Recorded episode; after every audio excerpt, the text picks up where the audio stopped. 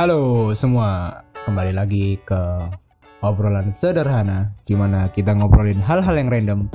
Suka-suka saya pilih hmm, materi ataupun topiknya apa.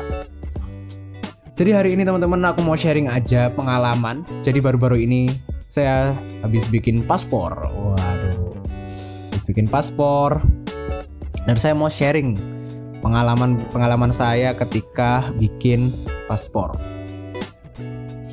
Jadi sebenarnya saya nggak ada plan sih untuk ke luar negeri. Nggak ada intinya nggak ada plan, nggak ada rencana untuk keluar negeri. Tapi ya saya mau bikin aja. Jadi mumpung libur kuliah, mumpung nggak ada kegiatan, jadi mau ngelengkapin berkas pribadi aja. So- soalnya terutama takutnya adalah saya misalkan ya semoga saja dapat rezeki tiba-tiba keluar dan ketika lagi sibuk-sibuknya kuliah dan mungkin nggak sempet ngurus-ngurus hal-hal tersebut kan? Jadi ya lebih baik dipersiapkan aja lah.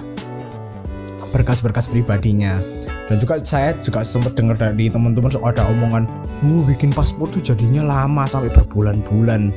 Kayak gitu. Jadi kan waduh misalnya anggap aja tiba-tiba saya dapat rezeki nomplok gitu kan mendadak harus pergi ke luar negeri dan ternyata bikin paspor lama kan wah itu kayak gitu. Dan ternyata enggak sih teman-teman. Bisa di silakan baca-baca sih jangan terbawa terbawa omongan kayak gitu. Dan saya yang terbawa sendiri padahal. Jadi teman-teman eh, aku mau sharing aja sih dalam dari prosesnya pembuatannya dan segala macam. Jadi tapi ada kemungkinan kalau yang saya ceritakan ini di tiap-tiap kantor imigrasi berbeda ya. Kan kalau saya ini kebetulan di kantor imigrasinya yang Surabaya di daerah Juanda. Jadi awal-awal pro- prosesnya itu pastinya kalian harus daftar lah. Daftar antrian online. Jadi sekarang mereka pakai aplikasi untuk daftar onlinenya. Kalau nggak salah namanya apa ya? Bentar bentar bentar. Nama aplikasinya. Nama aplikasinya itu layanan. Apa ini? Bentar bentar ya teman-teman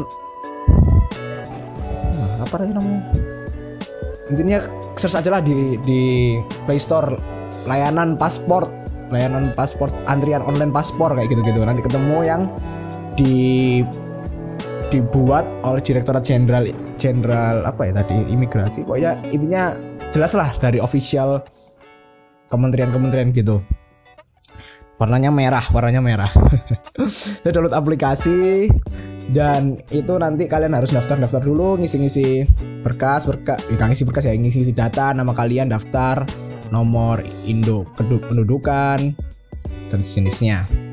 Dan juga yang berikutnya adalah karena harus daftar antrian maka kalian harus hitungannya rebutan. Rebutan hari apa jam berapa sebelum kuota pada hari tersebut itu terpenuhi.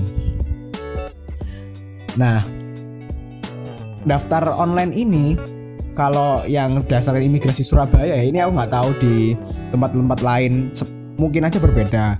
Kalau di imigrasi di Surabaya itu pembukaan daftar onlinenya itu mereka buka tiap dua minggu sekali.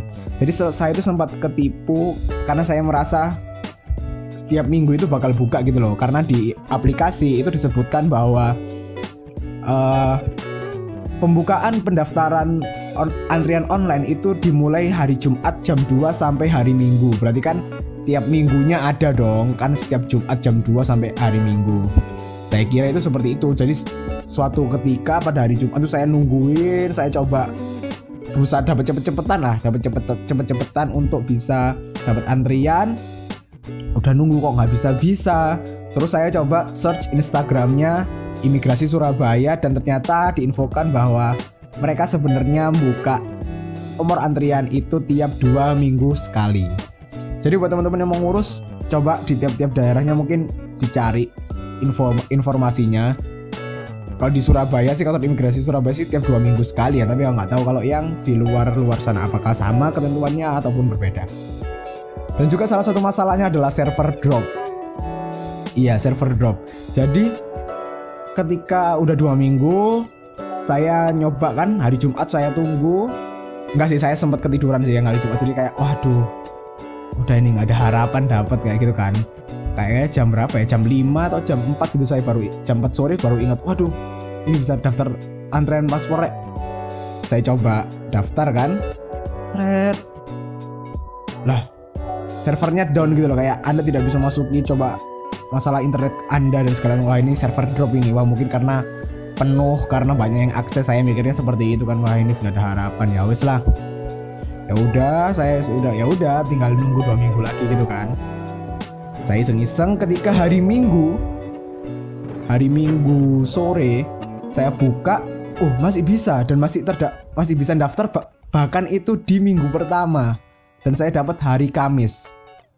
Dan saya kayak sempat sempat baca-baca komen-komen Instagramnya uh, imigrasi Surabaya ketika mereka buka jadwal antrian banyak protes bahwa ini servernya drop dan segala macam. Oh ternyata sepertinya memang hari Jumat dan Sabtu itu servernya drop dan baru bisa di diakses hari Minggu. Jadi buat teman-teman yang mau antri online dicoba aja buka setiap hari kali aja uh, servernya itu drop. Jadi dibukanya Jumat tapi baru bisa diakses kalau saya pengalaman saya itu hari Minggu. Dan ketika sudah dapat nomor antrian itu kalian bakal, bakal mirih harinya, hari apa, tanggal berapa, nanti kalian ada pilih shift pagi atau siang. Kalau pagi itu sampai jam 12, siang itu sampai jam 4 kalau nggak salah kalau di Surabaya. Jadi nanti tinggal pilih uh, mengisi-ngisi yang ada di daftar itu udah selesai gitu. Lah, nanti ketika di hari H itu nanti kalian menunjukkan uh, bahwa kalian sudah mendaftar di aplikasi gitu. Lalu yang berikutnya adalah persiapan berkasnya teman-teman. Persiapan berkasnya menurut saya ini mudah sih, simple. Maksudnya nggak banyak-banyak berkas juga. Jadi cuman ada tiga berkas utama yaitu akta kelahiran ataupun ijazah, terus KK dan KTP. Nah, saran saya adalah teman-teman baca-baca dulu lewat aplikasi web imigrasinya karena saya itu tidak teliti karena saya hanya membaca lewat aplikasi aja kalau saya saya juga baca lewat web-web yang saya kira itu cuman perlu fotokopi kartu keluarga, fotokopi akta kelahiran dan fotokopi KTP. Pada pada hari itu saya cuma hanya bawa itu dan ketika verifikasi berkas itu saya diminta untuk bawa yang asli dan saya nggak bawa. Jadi itu ada hal-hal yang akhirnya membuat saya harus pulang. Untungnya rumah saya itu nggak seberapa jauh ya. Dan saya pas itu dap dapatnya itu sekitar jam sebelasan. Akhirnya saya balik sekalian mereka istirahat. Jadi ya nggak nggak lama-lama nunggu lah intinya. Karena pulang mereka juga istirahat saya balik mereka sudah selesai istirahat jadi kalau mau mengulang antri pun nggak banyak-banyak Nah, juga yang saya agak sebel adalah ada beberapa berkas yang diminta namun tidak ada informasinya.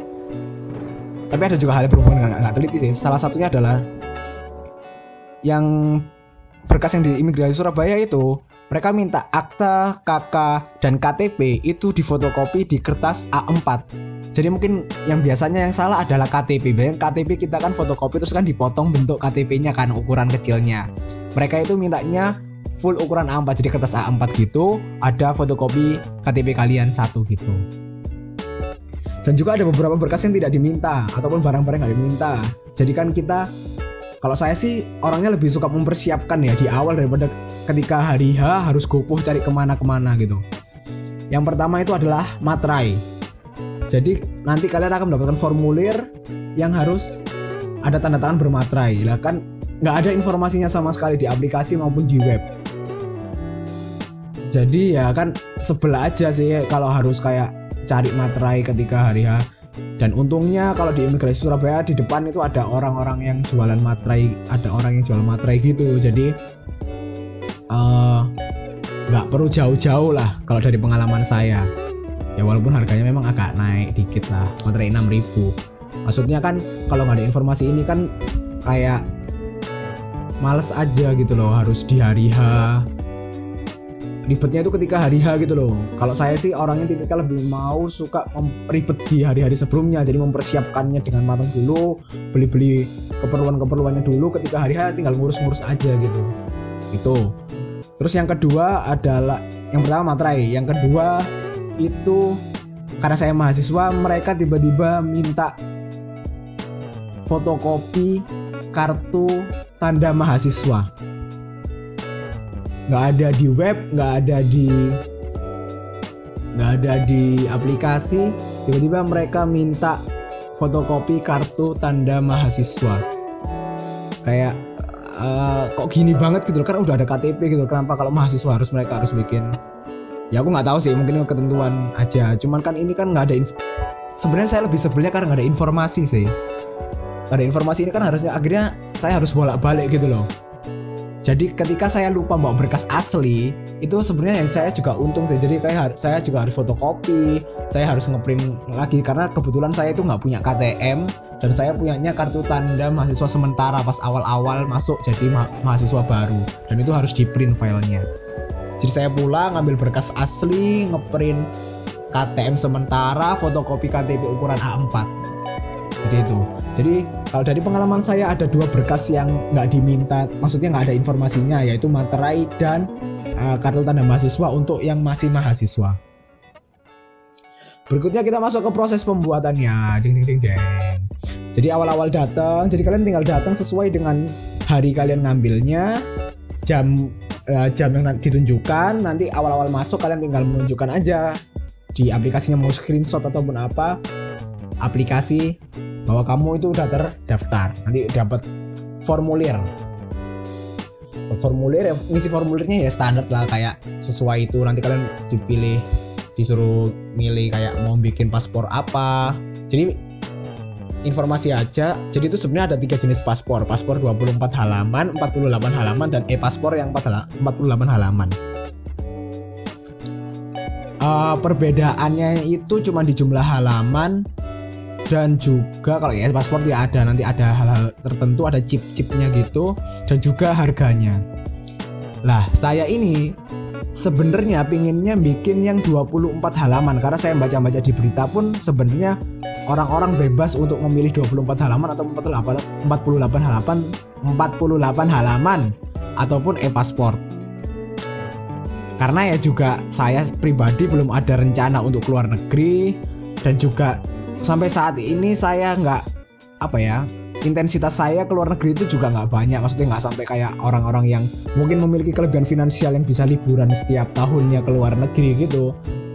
Saya kan di sini cuma mau ngelengkapin berkas pribadi. Saya mikirnya wah 24 halaman lebih worth it lah karena juga harganya itu jauh.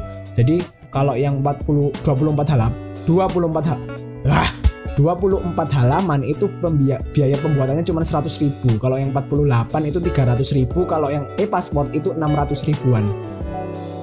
Kan jauh banget ya perbedaannya terutama apalagi saya yang memang nggak ada plan untuk keluar negeri. Jadi saya merasa wah 24 aja lah lebih worth it.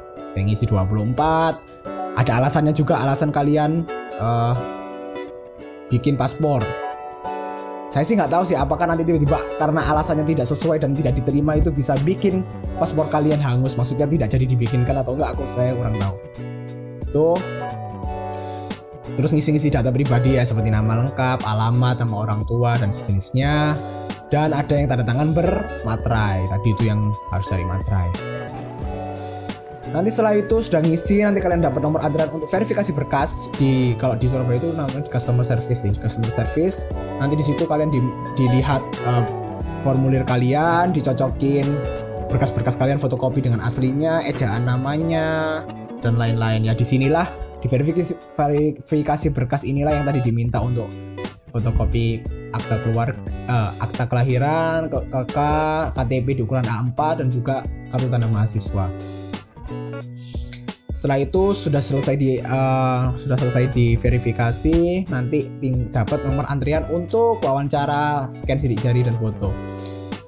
Kok ada wawancaranya sih? Iya sih aku juga bingung kok tiba-tiba ada wawancara. Saya pun tahu wawancara itu ketika melihat di formulir itu jadi ada berkas wawancara gitu. Nggak tahu sih ya itu beneran wawancara atau enggak. Jadi nanti tinggal antri aja nanti dipanggil ada, ada nomor sekian di loket sekian gitu. Jadi di situ nanti kalian akan ah, ya kalian kalian narik naruh berkasnya dan nanti tiba-tiba ditanyain gitu sih ditanyain eh, mau bikin paspor mau buat apa mau ke mana? Terus ditanyain mungkin kesehariannya gimana kamu pendidikannya apa kuliah di mana ah, lagi sibuk apa dan sejenisnya. Entah itu apakah yang namanya wawancara ya terus ada scan sidik jari dan foto.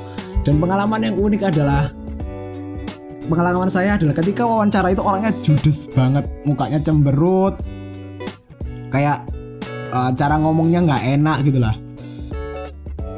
Padahal di Surabaya ini terkenal apa ya terkenal dari pelayanan publiknya itu yang oke okay gitu loh mena apa baik cepat nyaman. Cuman kok ketika dari kalau saya mau boleh bilang cepatnya cepat. Sangat cepat prosesnya itu teman-teman. Nyaman nyaman banget sofa di mana-mana AC lalu bahkan saya lihat ada di pojok itu ada kayak mini mini cafe gitu ada air putih teh kopi dan segala macam yang bisa diambil buat orang yang nunggu di situ. Cuman ketika masuk wawancara ini kok saya ke- entah kebetulan aja ya saya yang apes ketemu orang tersebut. Jadi orang itu ya ya nggak enak lah ya judas nada bicaranya agak nggak enak buat saya dan segala macam. Dan hal yang lucu adalah saya tuh melihat orang tersebut itu pakai pin yang bertuliskan tegur saya jika saya tidak ramah. Saya langsung wah apa ini? Saya kayak pingin ketika bapaknya cemberut gitu kan saya pingin sampai bilang pak pinnya bagus. Tapi ya saya nggak berani sih bilang kayak gitu. Cuman ya unik aja sih ketika orang tersebut seharusnya sadar mereka pakai pin tersebut tapi mereka malah melakukan hal yang sebaliknya. Ya ya ya ya gitulah. Ya mungkin mungkin ya orangnya capek karena harus uh, ngadepin banyak orang yang bikin dia lesu. Mungkin ada alasan-alasan lain lah mengapa orang tersebut seperti itu lalu setelah itu scan sidik jari foto dan bayar. Bayarnya kalau misalnya saya tahu informasinya adalah yang pertama di kantor pos dan juga di bisa lewat BNI kalau pengalaman saya di gedung imigrasinya itu sudah ada kantor pos khusus untuk pembayaran eh, pembayaran apa? Pembayaran paspor. Jadi jadi setelah foto saya tinggal langsung bayar di loket kantor pos gitu. dan selesai. Kalau paspor biasa itu sekitar tiga harian. Kalau eh paspor berapa ya tadi? Ya? enggak nggak banyak seminggu lah seminggu hari kerja. Oh ya tadi yang soal bicara tentang paspor 24 halaman atau 48 halaman.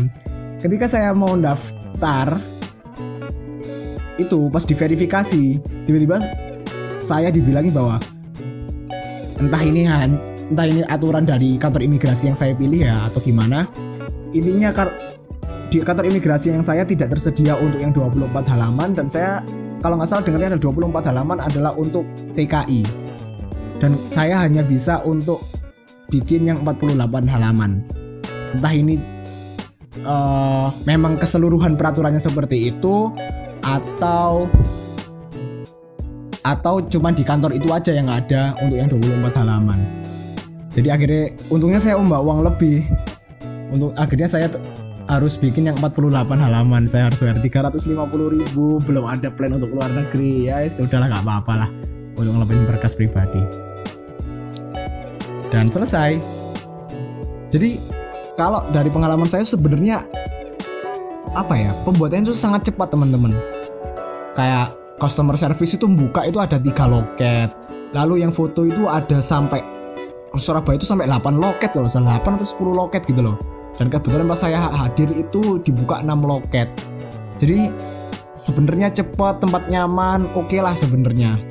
Cuman ya itu yang mungkin yang saya sayangkan adalah ada beberapa berkas yang tidak ada informasinya. Dan juga mungkin ada mungkin pihak-pihak yang cemberut dan segala macam yang ya itu hal-hal lain lah. Tapi sebenarnya masalah semuanya overall saya suka. Wah sih kayak master chef aja. Eh kok master chef sih? Kayak hotelan hotelan gitu nggak sih? Kayak yang overall overall gitu. Jadi seperti itu teman-teman. Buat teman-teman yang mau mengurus paspor silakan dipersiapkan dari sekarang. Mungkin yang lagi dengerin ini mau bikin paspor. Ya, ya tadi curhatan-curhatan saya ada hal-hal yang mungkin harus dipersiapkan lebih matang untuk mengisi paspor. Sekian dulu teman-teman dari sharing hari ini tentang pengalaman saya bikin paspor. Sampai jumpa di obrolan sederhana lainnya. Dadah.